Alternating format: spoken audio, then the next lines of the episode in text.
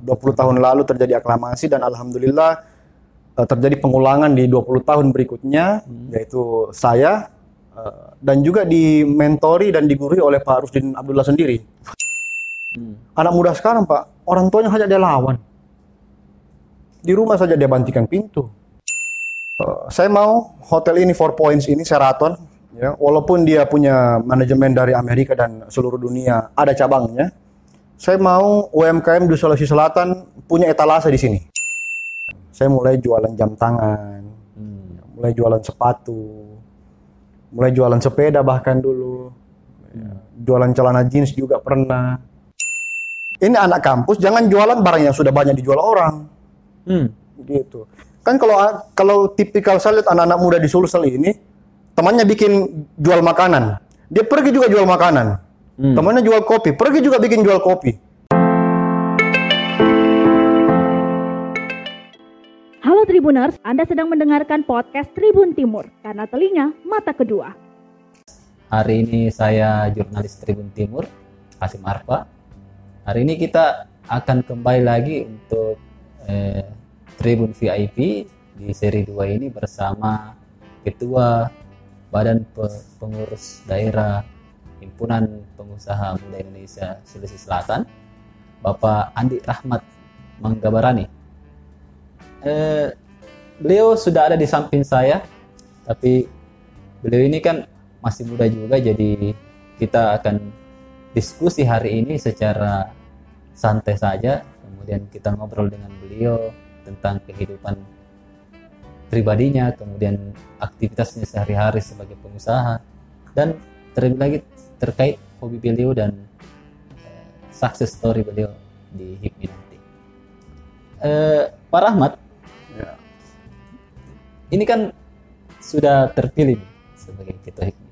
Gimana ini setelah pelantikan sudah kemarin juga Pak? Uh, belum, kemarin kita baru pengukuhan. pengukuhan. Penetapan saya sebagai ketua umum, hmm. ya, itu pun dilakukan secara virtual mengenai pelantikan kepengurusan ya itu akan kita bicarakan kembali dengan BPP mekanismenya apakah virtual hmm. atau konvensional. Siap, siap, siap. Habis terpilih Pak, gimana rasanya? Uh, lega ya karena terus terang perjalanan ini enam bulan kita jalan kurang lebih enam bulan ya lima bulan enam bulan lah hmm. karena terutama ter, harusnya kita kemarin sudah melakukan musyawarah daerah di bulan April hmm bulan April tapi karena ada pandemi ini akhirnya tertunda tiga bulan sampai di bulan Juni hmm. gitu. Ya, tapi alhamdulillah semua berkat uh, rahmat Allah Subhanahu Wa Taala semua dilancarkan dimudahkan dan alhamdulillah hasilnya bisa menetapkan saya sebagai ketua umum BPD HIPMI Sulawesi Selatan. Dan ini agak menarik. Baru pertama kali dalam eh, perjalanan HIPMI di Sulsel seorang ketua HIPMI eh, aklamasi memimpin bukan pertama kali, sudah kedua kali. Kedua kali ya? Sudah kedua kali. Yang pertama adalah Pak Rusdin Abdullah. Hmm. Itu tepat juga di tahun 2000. Wow. 20 di tahun, tahun ya? 20 tahun lalu. 20 tahun lalu terjadi aklamasi dan alhamdulillah uh, terjadi pengulangan di 20 tahun berikutnya hmm. yaitu saya uh, dan juga dimentori dan digurui oleh Pak Rusdin Abdullah sendiri. gitu. Jadi, uh, ya jadi alhamdulillah bisa berjalan dengan baik Eh, dan terulang secara 20 tahun. Tapi saya menyampaikan kepada seluruh tim kita berkelakar dan ini mudah-mudahan setiap ta, setiap kepengurusan bisa aklamasi deh nggak usah tunggu 20 tahun. Saya bilang begitu. Supaya kepengurusannya bisa dinamis, bisa apa? Bisa dinamis, bisa berjalan dengan baik tanpa ada lagi kubu A, kubu B seperti itu. Betul. Karena kan selama ini memang ini ter terkenal juga kalau misalnya ya, terkenal dengan dinamikanya. Iya dinamikanya memang yang dinamikanya cukup di, sangat dinamis. Ya. Selama ini yang kita eh, perhatikan di ya. senior para senior senior HIPMI ini kan HIPMI orang perlu tahu bahwa HIPMI ini adalah organisasi kader. Iya. Kaderisasi artinya kader itu kita mulai dari jenjang paling rendah di badan pengurus cabang kemudian kita naik ke BPD dan kemudian ke BPP tetapi HIPMI itu yang kita harus ketahui bahwa tidak bisa lepas dari campur tangan para senior karena sekali lagi kita kader. Hmm. Kader itu harus selalu ingat dengan seniornya. Ya. ya. Alhamdulillah kali ini senior bersepakat bahwa saya yang menjadi ketua umum dan senior pun bersepakat bahwa kita mau dinamika bukan pada saat pemilihan, tetapi dinamika bagaimana pada saat menggerakkan perekonomian HIPMI dalam menggerakkan perekonomian Sulawesi Selatan. Dinamika itu yang kita inginkan supaya banyak pengusaha yang tumbuh dan banyak pengusaha-pengusaha muda yang bergabung di dalam organisasi ini. Itu permintaan senior. Dan insya Allah mudah-mudahan dengan dukungan semua pihak termasuk Tribun salah satunya memberikan informasi-informasi di media yang positif, memberikan eh, publikasi-publikasi yang baik tentang dunia usaha. Kami yakin usaha akan tumbuh dan UMKM dan pengusaha-pengusaha yang ada di kabupaten bisa semakin bergejolak dan berdinamika dengan baik memajukan perekonomian Sulsel. Ini sangat eh, menarik juga ini Pak Rahmat. Beliau meskipun eh, anggaplah korporasi tapi memperhatikan UMKM. Kira-kira Pak, kenapa itu menjadi perhatian? Uh, karena begini, berkali-kali pada saat sudah ber, sudah banyak mungkin yang menyampaikan di zaman sejak terjadinya pandemi ini di awal pandemi bahwa uh, ber, ber, berflashback kita flashback di tahun 98 semua terdampak kecuali UMKM UMKM yang membuat kita kuat. Di tahun 2008 begitu pun yang terjadi. Di tahun 2013 terjadi krisis tapi UMKM yang tetap eksis dan sebagainya. Dan di data uh, Provinsi Sulawesi Selatan 90% perekonomian digerakkan oleh UMKM jadi kenapa saya mendorong itu bergerak bisa lebih masif? Karena kami yakin bahwa UMKM ini punya daya tahan tinggi terhadap kondisi-kondisi yang terjadi secara global karena yang mereka manfaatkan adalah produk-produk dalam negeri yang tidak terdampak dengan kebijakan-kebijakan impor dan ekspor. Kira-kira seperti itu. Jadi mereka betul-betul bergantung kepada peraturan dan kebijakan pemerintah yang ada di uh, provinsinya dan juga uh, tergantung dari uh, apa daya saing daya saing masing-masing UMKM kira-kira begitu. Jadi saya ingin menjadi HIPBI ini saya akan jadikan sebagai inkubator tempatnya UMKM bisa tumbuh dan berkembang dengan baik. Kira-kira begitu. Wah, ini sangat menjadi sebuah penawaran yang bagus dari HIPMI untuk teman-teman UMKM nanti di di rumah ataupun tribuners yang ingin mulai meniti usahanya. Tapi begini Om Hasim, tadi saya sebelum saya uh, ke sini saya meeting dulu dengan yeah. GM saya, GM hotel. Saya sampaikan bahwa uh, saya mau hotel ini Four Points ini Sheraton, ya, walaupun dia punya manajemen dari Amerika dan seluruh dunia ada cabangnya, saya mau UMKM di Sulawesi Selatan punya etalase di sini. Wah, menarik. Jadi uh, selain etalase di yang kami siapkan, kami juga memberikan penawaran kepada seluruh UMKM yang terdaftar di HIPMI tentunya. Ya. Kalau yang tidak di HIPMI ya tunggu dulu. Ya, ya. ya kita prioritas kepada pengurus HIPMI. Jadi di kamar di kamar hotel kan kita ketahui ada namanya minibar. Hmm. Minibar itu kita tahu bahwa yang cemilan, minuman dan sebagainya. Minibar itu akan kami berikan fasilitas kepada UMKM untuk taruh barangnya di situ secara cuma-cuma. Ah, menarik Pak.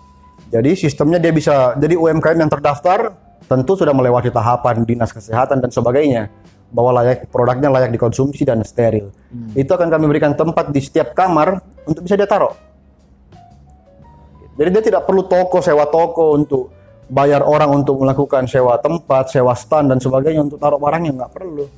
Saya berikan secara cuma-cuma untuk dia taruh barangnya di kamar-kamar. Lumayan ada 350 kamar. Ya. Yuk bisa taruh barang kamu di situ, bisa jualan. ya. Itu dan tidak terbatas uh, jumlah produknya berapa. Itu nanti akan dibicarakan dengan manajemen mengenai syarat dan ketentuannya. Kira-kira. Kalau dengan eh, join bisnis dengan IMB Group, ada kira-kira lagi yang bisa oh, potensi? Sangat sangat banyak, sangat banyak. Itu teman waktu kampanye juga ke di beberapa kabupaten, semangat waktu kita kampanye, saya menyampaikan ke teman-teman di kabupaten bahwa siapa pun pengurusmu yang punya tempat tidak terpakai, ruko, rumah dan sebagainya, sampaikan datanya saya coba masukkan unit unit bisnis saya di situ. Hmm. Jadi kau punya tempat, saya masukkan manajemennya. Wah. Contoh, contoh, misalnya yang paling gampang ya, yang paling gampang, dia punya ruko. Dia punya ruko satu dua lantai lah. Lantai satu, lantai satunya kita manfaatkan untuk taruh uh, mobil dari IMB motor kita titip. Hmm. Iya, iya, iya. Kita titip, di, uh, tidak perlu dia bayar unitnya, saya taruh. Dia cuma bermodalkan tempat Kalau rukonya tidak tidak dimanfaatkan ini, maksudnya rukonya lagi nganggur kan? Iya. Ya, daripada nganggur kita jadikan badan usaha di situ. Lantai satunya showroom mobil, lantai duanya bisa dia pakai untuk misalnya kalau dia mau pakai uh, laundry, saya taruh mesin laundry di situ. Kan saya juga punya laundry. Nah, gitu. Jadi banyak yang bisa kita kolaborasikan. Ya. Ini yang sementara saya dorong teman-teman kabupaten semua untuk menyiapkan seluruh data-data pengusahanya, data-data pengurusnya seperti apa, bergerak di bidang apa, sehingga bisa kita kolaborasi dengan baik nanti. Jadi tumbuh bersama ini Pak. oh harus begitu, bersama. harus begitu. Sekarang zamannya kolaborasi dan sinergi, Hmm. gitu. Karena kalau tidak begitu kita dikala oleh orang-orang luar. Orang luar berlomba-lomba masuk di sini, masa kita tidak mau tumbuh dan besar di sini? Nah, itu pesan yang sangat menarik dari eh, Ketua HIPMI untuk teman-teman UKM, Ya. baik itu pengurus daerah juga di HIPMI di kabupaten kota. Disiapkan saja data-datanya. Ya, selanjutnya nih kita akan masuk sedikit ke pembahasan aktivitasnya sehari-hari nih. Anda memulai berbisnis sejak kapan? Padahal ini kan Saya berbisnis mulai 2005, 2006. Ya mulai bisnis kecil-kecilan. Saya mulai jualan jam tangan, hmm, mulai jualan sepatu, mulai jualan sepeda bahkan dulu, hmm. jualan celana jeans juga pernah. Banyak. ya. Tapi itu jualan anak kampus namanya. Ya, jualan anak kampus. Ya, Seller kalau sekarang Pak. Kalau ya pastilah semua anak kuliah yang anak kuliah pasti pernah melakukan usaha-usaha gitu kan. Iya. Jadi ke teman-teman eh, jual jam, jual sepatu, jual apa. gitu. Jadi eh, zaman-zamannya dulu sneakers, ya, Hmm. sneakers kita main sneakers, jualan sneakers juga, jam tangan. Bahkan jam tangannya sampai sekarang saya jualan dari 2006 itu jam sampai sekarang belum masuk di Indonesia. Coba cari Tokyo Flash, namanya jamnya Tokyo Flash, coba cari. Kalau kita pernah lihat barangnya di Indonesia, saya pengen beli lagi. Wah. Barang lagi. Oh, itu itu susah. Makanya kita jualan, makanya eh, ini anak kampus jangan jualan barang yang sudah banyak dijual orang. Hmm. Gitu.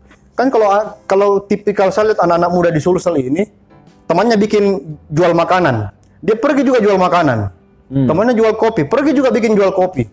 Jadi sama, akhirnya mereka yang kompeti- kompetitor. Gitu. Kalau saya tidak, saya jual jam. Siapa wak- waktu itu jual jam, Pak? Jam coba sudah ada yang bisa lihat enggak? Eh, belum ada kan barangnya di Indonesia sampai sekarang nih. Aksesnya ke produsennya gimana itu Pak? Ah itu iya, distri- distribution channelnya yang harus kita tahu. Ya, saya langsung ketemu importir. Oh. Importirnya juga belum importir yang industri, importir eh, kecil-kecilan juga gitu. Jadi saya waktu itu eh, diwajibkan mengambil kurang lebih 20 unit jam langsung. Tapi dia kasih harga yang saya masih bisa untung dan saya kita berkomitmen bahwa tidak perlu dia dia jualan harga saya jualan harga dia. Hmm. Ya, dia juga tidak mungkin kasih diskon orang kalau beli satuan. Jadi ya kita komitmen di situ. Ya, Alhamdulillah berjalan 20, lama-lama sampai 50 unit. Dan itu lumayan harganya. Pada zaman itu termasuk eh, termasuk oke lah harganya. Ya bayangkan dengan modal, anggaplah modal dengan modal 1,5 kita bisa jual 2,5 itu barang kan lumayan. Pak. Bah, itu untung. Waktu itu tidak perlu kita Bisa. tidak perlu kita cetak-cetak flyer, tidak perlu ini dan un- untuk bahan bakar untuk misalnya ongkos bensin kita saya kan di Jakarta. Untuk ongkos bensin tidak perlu terlalu rumit karena kita cuma satu kali ke kampus, tawaran di sana, pulang bawa duit, selesai kan? Hmm. Gitu. Nah, jadi buat ini juga pelajaran buat teman-teman mahasiswa sebenarnya. Bisa kita jualan eh, apa pun di pada saat kuliah, bisnis apa pun, tetapi harus kita melakukan research dan segmentasi dulu. Apa yang kita mau jual, apa yang belum ada orang punya, dan apa yang orang inginkan. Tidak bisa dipungkiri bahwa emosional semua anak muda itu pengen punya barang yang tidak dimiliki orang lain. Khasnya ya. Ciri itu khasnya. itu eh, itu tipikal anak muda, anak kuliah, anak- bahkan sampai tua pun kadang-kadang kita kenapa kita berbelanja di luar negeri sampai bertas-tas, bawa pulang coklat yang macam-macam bentuknya apa segala, karena kita mau membeli barang yang tidak ada di Indonesia. Hmm. Nah, it, psikologi itu yang saya coba mainkan. Sampai sekarang pun kalau bisa didapat itu jam di sini, saya pengen beli lagi. gitu. Artinya tidak ada ya. Artinya tidak ada yang Anda bisa dapat. Iya, iya. Gitu, gitu. Kemudian Pak, eh, Anda juga dipercaya pada eh, beberapa dek tahun yang lalu sudah menjadi direktur di Eh, gimana Pak ceritanya tuh? Ya. Ceritanya pada waktu itu saya Wah panjang ceritanya. saya, saya durasi berapa ini kah? Singkat aja. Singkat. Ya, Ya, pada prinsipnya begini, pada intinya begini. Saya terlena tinggal di eh, ibu kota dengan kehidupannya yang luar biasa. Ya, dengan segala macam fasilitas, saya terlena tinggal di kota. Sampai pada akhirnya eh, pada waktu itu saya harus pulang, saya harus ke Makassar merayakan ulang tahun. Itu ulang tahun yang ke sekarang sudah tidak- 25 kayaknya, 25 24 Wah. saya harus pulang ke sini. Ya bukan pulang, saya bukan nggak harus, tapi saya datang ke sini untuk ini. Ya pada malam pada malam sebelum ulang tahun saya dipanggil oleh kedua orang tua. Iya. Lah, beliau bercerita lah bahwa uh, bapak ibu sudah semakin tua begini begini begini. Yang menyentuh secara emosional. Apakah kau tidak sadar dan tidak mau kembali membantu dan sebagainya. Dan akhirnya pada malam itu juga saya tidak pikir panjang, saya langsung putuskan, bahwa, oke saya kembali ke sini bantu. Jadi sejak itu saya tidak ke- kembali lagi ke Jakarta. Jadi hari itu datang dan ini Terakhir juga. terakhir juga. Jadi saya tidak kembali lagi ke Jakarta. Jadi barang semua dikirim dari sana. Saya akhirnya mulai dari saya ingat 9 November pas ulang tahun saya 9 November 2010 tahun yang lalu 2009 enggak, 2010 2011 2011 saya masuk ke bisnis dan akhirnya sampai sekarang. Yang pertama saya turun ke lapangan mengawas proyek, Pak. Saya bukan di meja. Turun ke lapangan melawas- mengawas proyek, ketemu kontraktor, mengawasi bangunannya, kualitasnya dan sebagainya. Sampai akhirnya bisa di posisi ini.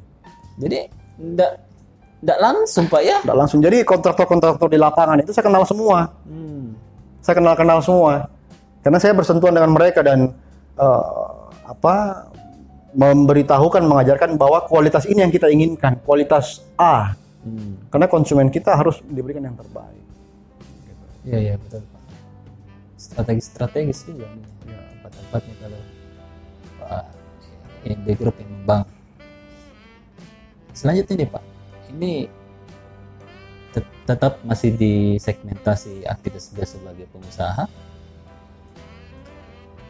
Eh, kalau Pak eh, Rahmat ini terkenal karena INB propertinya.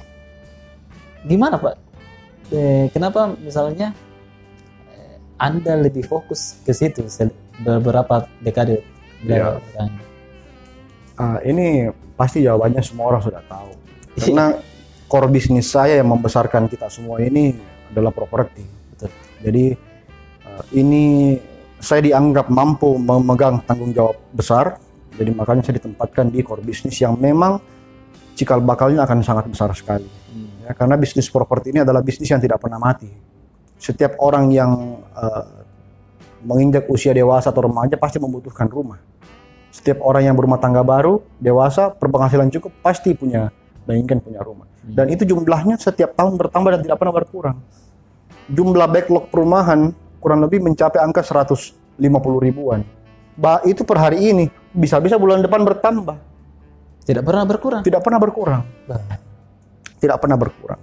Sedangkan kemampuan kita membangun per bulan paling 100 unit, 200 unit. Gitu. Jadi eh, itulah pasarnya sangat besar ke- dan juga menjadi kebutuhan pokok. Hmm. Karena kan kebutuhan pokok kita sandang pangan papan. Iya betul. Nah, itu yang kita masuk di bagian papannya. Gitu. Dan ini adalah bisnis keluarga, alhamdulillah sudah 20 31 tahun ya berapa tahun? 31 tahun. Dua 1994 sampai 2019 berapa? 25 tahun ya? 25 tahun. 25 tahun. Bisnis ini sudah eh, ada. Tahun ini masuk ke 26. Masuk 26 tahun ini. Ya, alhamdulillah saya sebagai anak tertua diberikan amanah untuk memegang itu. Jadi yang unit-unit bisnis lain tetap saya kontrol, tetapi fokusnya adalah di tetap di IMB Property. Anda punya ratusan karyawan, bukan hanya di Indo Property ya, tapi ada di Alia Travel and Umroh, kemudian ada di bisnis eh, laundry seperti tadi Pak Rahmat bicarakan. Hotel ini Pak, Hotel ini juga yang tempat kita siaran ini. Kira-kira Pak, gimana rasanya itu memimpin orang yang begitu banyak? rasanya sih kalau ditanya ya biasa aja. Maksudnya biasa aja begini. Eh. Eh, tantangannya berbeda. Ya, bagaimana kita membuat eh, bagaimana kepemimpinan itu kan tidak bisa dibuat-buat. Betul. Leadership tidak bisa kita buat-buat, tetapi bisa kita eh, itu ada dari dalam dan bisa kita eh, aplikasikan di lapangan. Kondisi sekarang sangat jauh berbeda dengan kondisi pegawai di beberapa puluh tahun lalu. Ya, mungkin karena sekarang sudah semakin melek teknologi, anak-anak semakin anak-anak muda melek dunia digital, semakin pintar dan sebagainya. Sehingga zaman sekarang tidak bisa lagi kita memakai cara-cara lama. Caranya harus berbeda. Zaman sekarang anak-anak muda itu lebih banyak mau didengar. Betul. Apalagi level manajerial kan rata-rata diisi dengan usia 35, 40 ke atas. Nah, mereka lebih mau didengar. Mereka lebih mau didengar, ditanggapi, diserap aspirasinya. Terserah kita mau lakukan atau tidak, tapi paling tidak mereka didengar. Karena tipikal mereka ini anak-anak muda sekarang ini contohnya Ahmad lah usianya masih 20 tahun. Hmm. Berapa usianya? Dua- masih 25. 25, Jiwa-jiwa pemberontak, Pak. Kita pimpin ini. Kita pimpin. Kita bisa rasakan bagaimana memimpin anak-anak mahasiswa yang baru lulus kuliah, masih jiwa-jiwa pemberontak dari kampus. Betul. Orang tuanya hanya kadang-kadang dia lawan apalagi kita bosnya. Hmm. Nah, ini ada tantangan tersendiri, tetapi saya anggap itu biasa aja.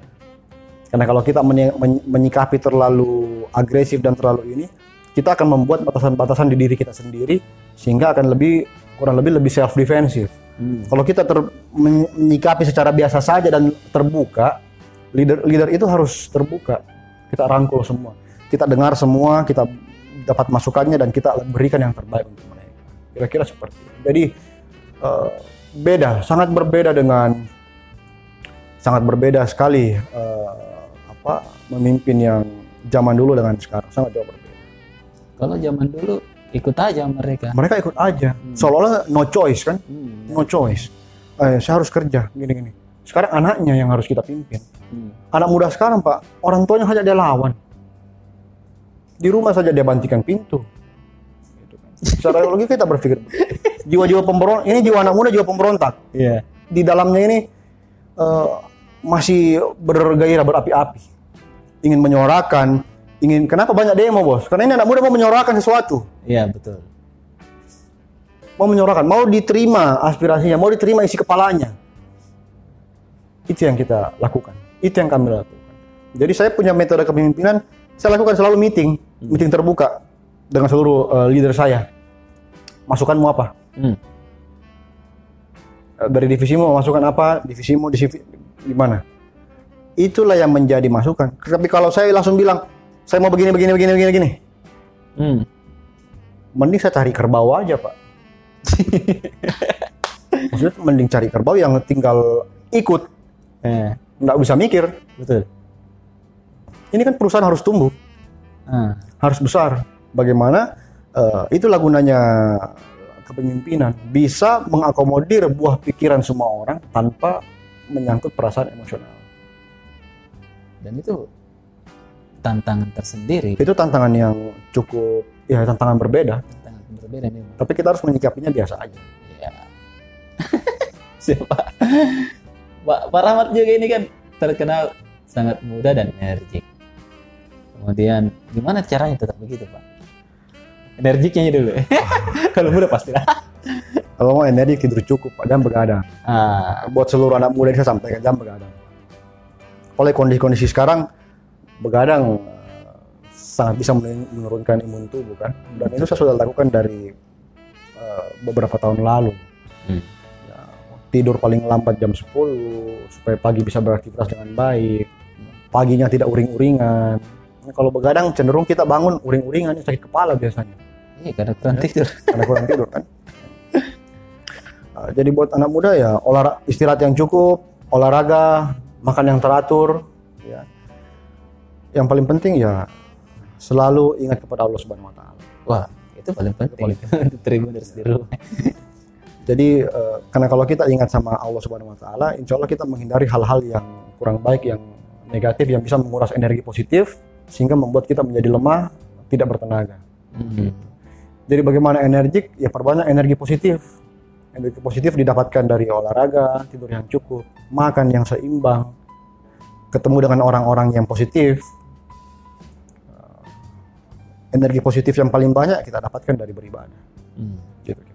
Itu tipsnya dari Pak Rahmat ya untuk tetap energik. selanjutnya ini Pak kita akan bahas sedikit tentang keluarganya Pak Rahmat. Cara atur atur waktu ini dengan keluarga, dengan istri, dengan anak-anak, gimana Pak caranya? Padahal kan sama-sama sih begini. Eh, saya alhamdulillah juga diberikan kebiasaan untuk hidup teratur. Ya, Bangun jam kita kan muslim bangun sholat subuh. Sudah pasti itu bangun jam segitu. Itu otomatis sudah, sudah pasti kan kalau muslim wa- wajib kan bangun jam setengah lima, jam lima paling lambat. Jam lima paling lambat. Dari situ saya mengatur waktu harus olahraga berapa jam, kantor berapa jam. Kadang-kadang saya olahraga harus satu hari dua kali. Ya, Itu olahraga saja sendiri kadang-kadang makan waktu tiga jam. Hmm. Bagaimana atur waktu sampai eh, bisa tetap eh, di kantor dengan baik, ke pekerjaan dengan baik. Semua ada eh, semua ada di sini di Hmm. notes yang saya buat di handphone dengan jadwal schedule yang saya buat di sini semuanya ada di sini. Jadi saya eh, jadwalnya apa hari ini, jamnya jam berapa, berapa jam olahraganya itu semua saya lihat. gitu. Day by day, bahkan kadang-kadang dalam satu minggu sudah saya tentukan Hmm. Jadwalnya. Jadi saya tinggal jalanin aja. Karena terus terang begini, kalau kita co- ibaratnya begini, kalau kita masih di hari ini kita eh, memikirkan, saya kan olahraga, saya suka berenang, saya suka sepeda, suka lari. Dan saya anggap itu hobi yang cukup positif lah, cukup bermanfaat. Kalau saya tidak membuat jadwal-jadwal olahraga itu dari hari, misalnya hari saya kebiasaan hari Minggu buat buat jadwal. Hari Minggu schedule sudah harus selesai. Hmm. Supaya Senin saya fokus kerjaan. Jadi kalau misalnya kita bayangkan hari Senin saya baru mau bikin jadwal olahraga hari Senin, kerjaanku kapan saya pikir? Betul, betul. Ini juga untuk Tribuners ini pelajaran sangat berharga ini, Pak. Jadi Harus direncanakan bagus-bagus. rencana planning. Planning. Sukses itu butuh perencanaan. Hmm. Sukses butuh perencanaan. Keberhasilan butuh perencanaan. Tidak bisa serta merta orang sukses langsung bangun sukses nggak bisa. Harus perencanaan. Saya mau bangun sukses. Saya mau bangun hadap kanan. Saya mau bangun hadap kiri. Misalnya kayak begitu kan. Kasarnya Iya, seperti betul, betul. Jadi minggu kan hari libur, hari kita tidak eh, terlalu banyak aktivitas. Jadi hari minggu malam sebelum tidur jadwal sudah harus selesai untuk satu minggu ke depan. Jadi be- eh, hari Senin saya masuk tinggal pikir pekerjaan, tidak perlu pikir latihan apa hari ini ya, bagaimana di dalam latihannya ya, gitu. Larinya berapa kilo, berapa menit, tidak perlu, karena semua tinggal lihat oh lari. Kalau saya baru mau pikir, siapa yang pikir pekerjaan? Betul. jualan apa kita bulan ini, jualan apa, bagaimana promonya kan siapa yang pikir. Itu yang harus kita, eh, itu yang harus teman-teman lakukan perencanaan-perencanaan itu. Dan eh, ya memang awalnya agak berat karena pasti bangun setengah lima dan tidur jam 10 malam itu agak berat. Karena kita tidak tidur siang pak. Iya, betul. Jadi bangun jam setengah lima, olahraga jam 6, kadang-kadang setengah enam saya sudah mulai olahraga. Sampai jam 7 atau setengah 8, sarapan, ke kantor. Dan tidak tidur lagi, sampai tidak pernah tidur siang. Kadang-kadang sore jam 4 saya harus exercise olahraga lagi. Itu drain energi sebenarnya, tapi itu yang membuat kita energi. Iya, iya. Kalau kita bisa atur dengan baik. Karena terus terang eh, lebih banyak energi terpakai saat kita berpikir daripada ber, Berolahraga. berolahraga lebih banyak. Jadi kenapa saya buat jadwal supaya energinya energi berpikirnya terkurangi sedikit, tidak terlalu banyak berpikirkan. Jadi sukses direncanakan, kemudian sehat juga pasti direncanakan Pasti. dengan olahraga. Jadi itulah caranya teman-teman untuk berhasil ya. Jadi Bikin planning, harus semua ada planningnya. Eh, seperti tim yang dilakukan Ibu Vero, dia harus tanggal begini beriklan. Bulan ini iklannya ini. siap, siap, siap. Seperti kita dimasukkan iklan di Facebook kan. Iya betul. mau jadi konten yang bagus, mau punya akun yang bagus, kan diajarkan semua itu. Pasti semua teman-teman Tribuners pasti tahu. Sudah mencari bagaimana membuat akun saya rame, akun saya cuma satu yang diajarkan, konsistensi dan schedule. Hmm. Pasti seperti itu. Schedule misalnya you posting tiap hari Senin jam segini, konsisten posting jam segitu terus. Konsistensi, kemudian di Planning. Planning. Jadi planning kan dan konsistensi jalankan. Hmm. Selesai lah. Pasti hampir di semua kehidupan begitu. Jangan jauh-jauh Pak, kita ambil contoh sholat aja. Sholat kan konsisten Pak, terplanning. Hmm. Nggak mungkin kita lakukan sholat asar di maghrib. Iya, betul Pak. Dan itu by DBD terus Tiba deh, terus begitu, terus begitu, terus begitu. terus terplanning. Ya, intinya kita semua terplanning. Ya sama lah teman-teman yang di Tribun juga kerjanya pasti terplanning. Pasti. Time, ada time schedule-nya, ada ininya. Gitu. Tidak bisa tiba-tiba koranku sama terbitkan jam 12 siang deh. Nggak mungkin pak. Nggak bisa. Pasti ada waktu masuk redaksi jam segini, Betul. keluar dari redaksi jam segini. Kalau tidak diikuti itu pasti sedikit selisih satu jam terlambat percetakan dan berantakan bisnis berantakan. dan tidak sukses. Pasti. Jadi itu yang diajarkan teman-teman. Terlambat saja sedikit Pak bahaya. Karena akan berentet ke schedule lainnya. Iya. Betul. Itu itu itu yang itu yang itu yang berkali-kali saya sampaikan juga ke teman-teman staff bahwa ya bikin time schedule, bikin planning dengan dengan baik. Tipsnya ini Pak untuk sukses ini gimana? Ada mungkin? Uh, simple, ya tadi setelah secara eksplisit sudah saya sampaikan sebenarnya sudah kita ini kan bahwa yang pertama adalah kita harus fokus dulu dengan goal kita. Buat goalmu apa? Apa yang ingin kau lakukan? Seperti contohnya misalnya tahun ini saya mau mencapai omset berapa? Hmm. berapa ratus miliar, berapa ratus triliun misalnya tahun ini. Kemudian dari goal itu kita bagi ke lebih kecil lagi ke 12 bulan. Misalnya 120 miliar biar gampang. Kita bagi ke 12, berarti setiap bulan harus capai 10 miliar. Iya. 10 miliar. Terus kita bagi lagi 10 miliar kita bagi 30 hari. Berarti setiap hari harus berapa? 300 juta. Hmm. Itu aja yang kita kejar terus. Itu yang pertama. Jadi dibagi, bikin goal besarnya, kemudian bikin goal kecilnya. Bahkan kalau mau lebih ekstrim dibagi per jamnya. 300 juta per jam berapa sih saya bisa dapat? Iya iya iya. kalau mau lebih ekstrim. Ya. Tapi kan rata-rata orang bikin target per sampai per bulan saja. Sampai per bulan. Per minggu kadang-kadang juga ada. Jadi target weekly. Itu untuk goal besarnya. Tapi untuk lebih ke tim ini dibagi lagi 300 miliar 120 miliar ini perlu apa? Promosi. Promosinya kapan jalan sih? Minggu ini apa? Minggu depan apa? Minggu ini apa sampai di bulan ini apa? Minggu depan apa? Minggu depan apa? Kayak gitu. Target marketingnya juga seperti itu. Target pembangunan lapangan juga. Misalnya rumah yang sudah terjual Januari, saya target serah terima Januari tahun depan. Bulan ini apa yang sudah harus jadi, bulan depannya apa yang sudah harus jadi, bulan depannya apa yang harus jadi, sehingga orang terima betul-betul di ini dalam keadaan rumah jadi. Seperti. Tepat waktu. Tepat waktu. Yang pertama adalah set goalmu. Bikin goalmu. Bikin goal yang besar. Bikin goal yang besar. Mimpi yang besar. Kalau karena kalau kita hanya mimpi juga takut-takut juga susah. Opportunity-nya Pak ke depan apa?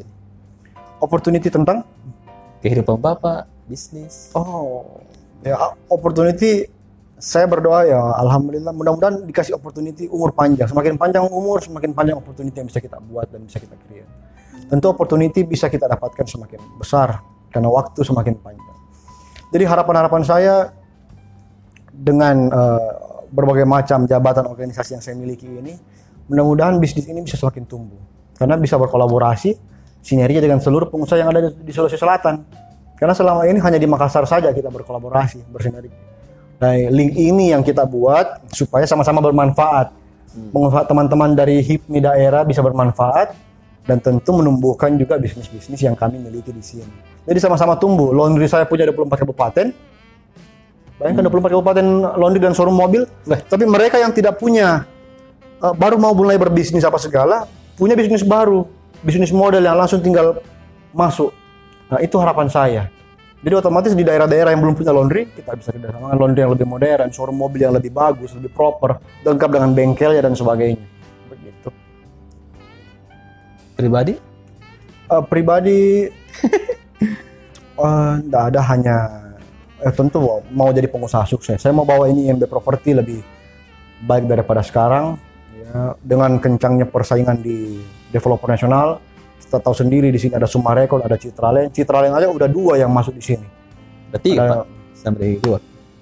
Eh, tapi kan dua unit bisnis aja, dua perusahaan aja itu. Hmm. Itu kan dua sub bisnis. Citralen Losari dengan Citralen Goa dengan Citralen Goa eh, dengan Talasa itu berbeda. Jadi Talasa Goa itu berbeda. Eh, Talasa dengan Losari sama. Hmm. Jadi hanya dua sub bisnis yang masuk. Itu yang kita lawan. Itu kompetitor kita. Dengan FKS Land, eh, Sumarekon ada tiga, tiga kompetitor. Tapi itu tidak membuat kita gentar.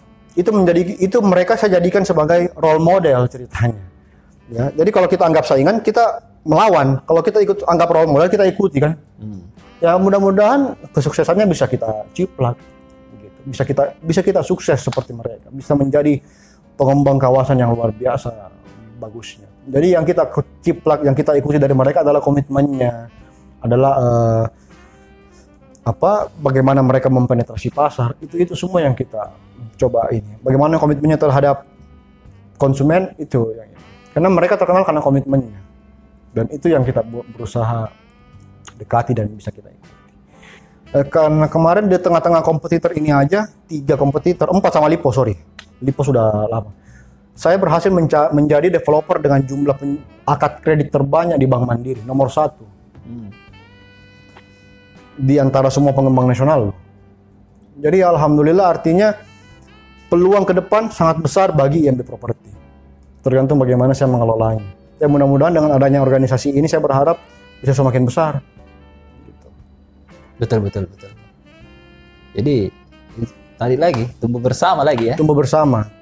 Dan kenapa kenapa saya di hotel ini saya memakai uh, brand Four Points by Sheraton dari Marriott Group?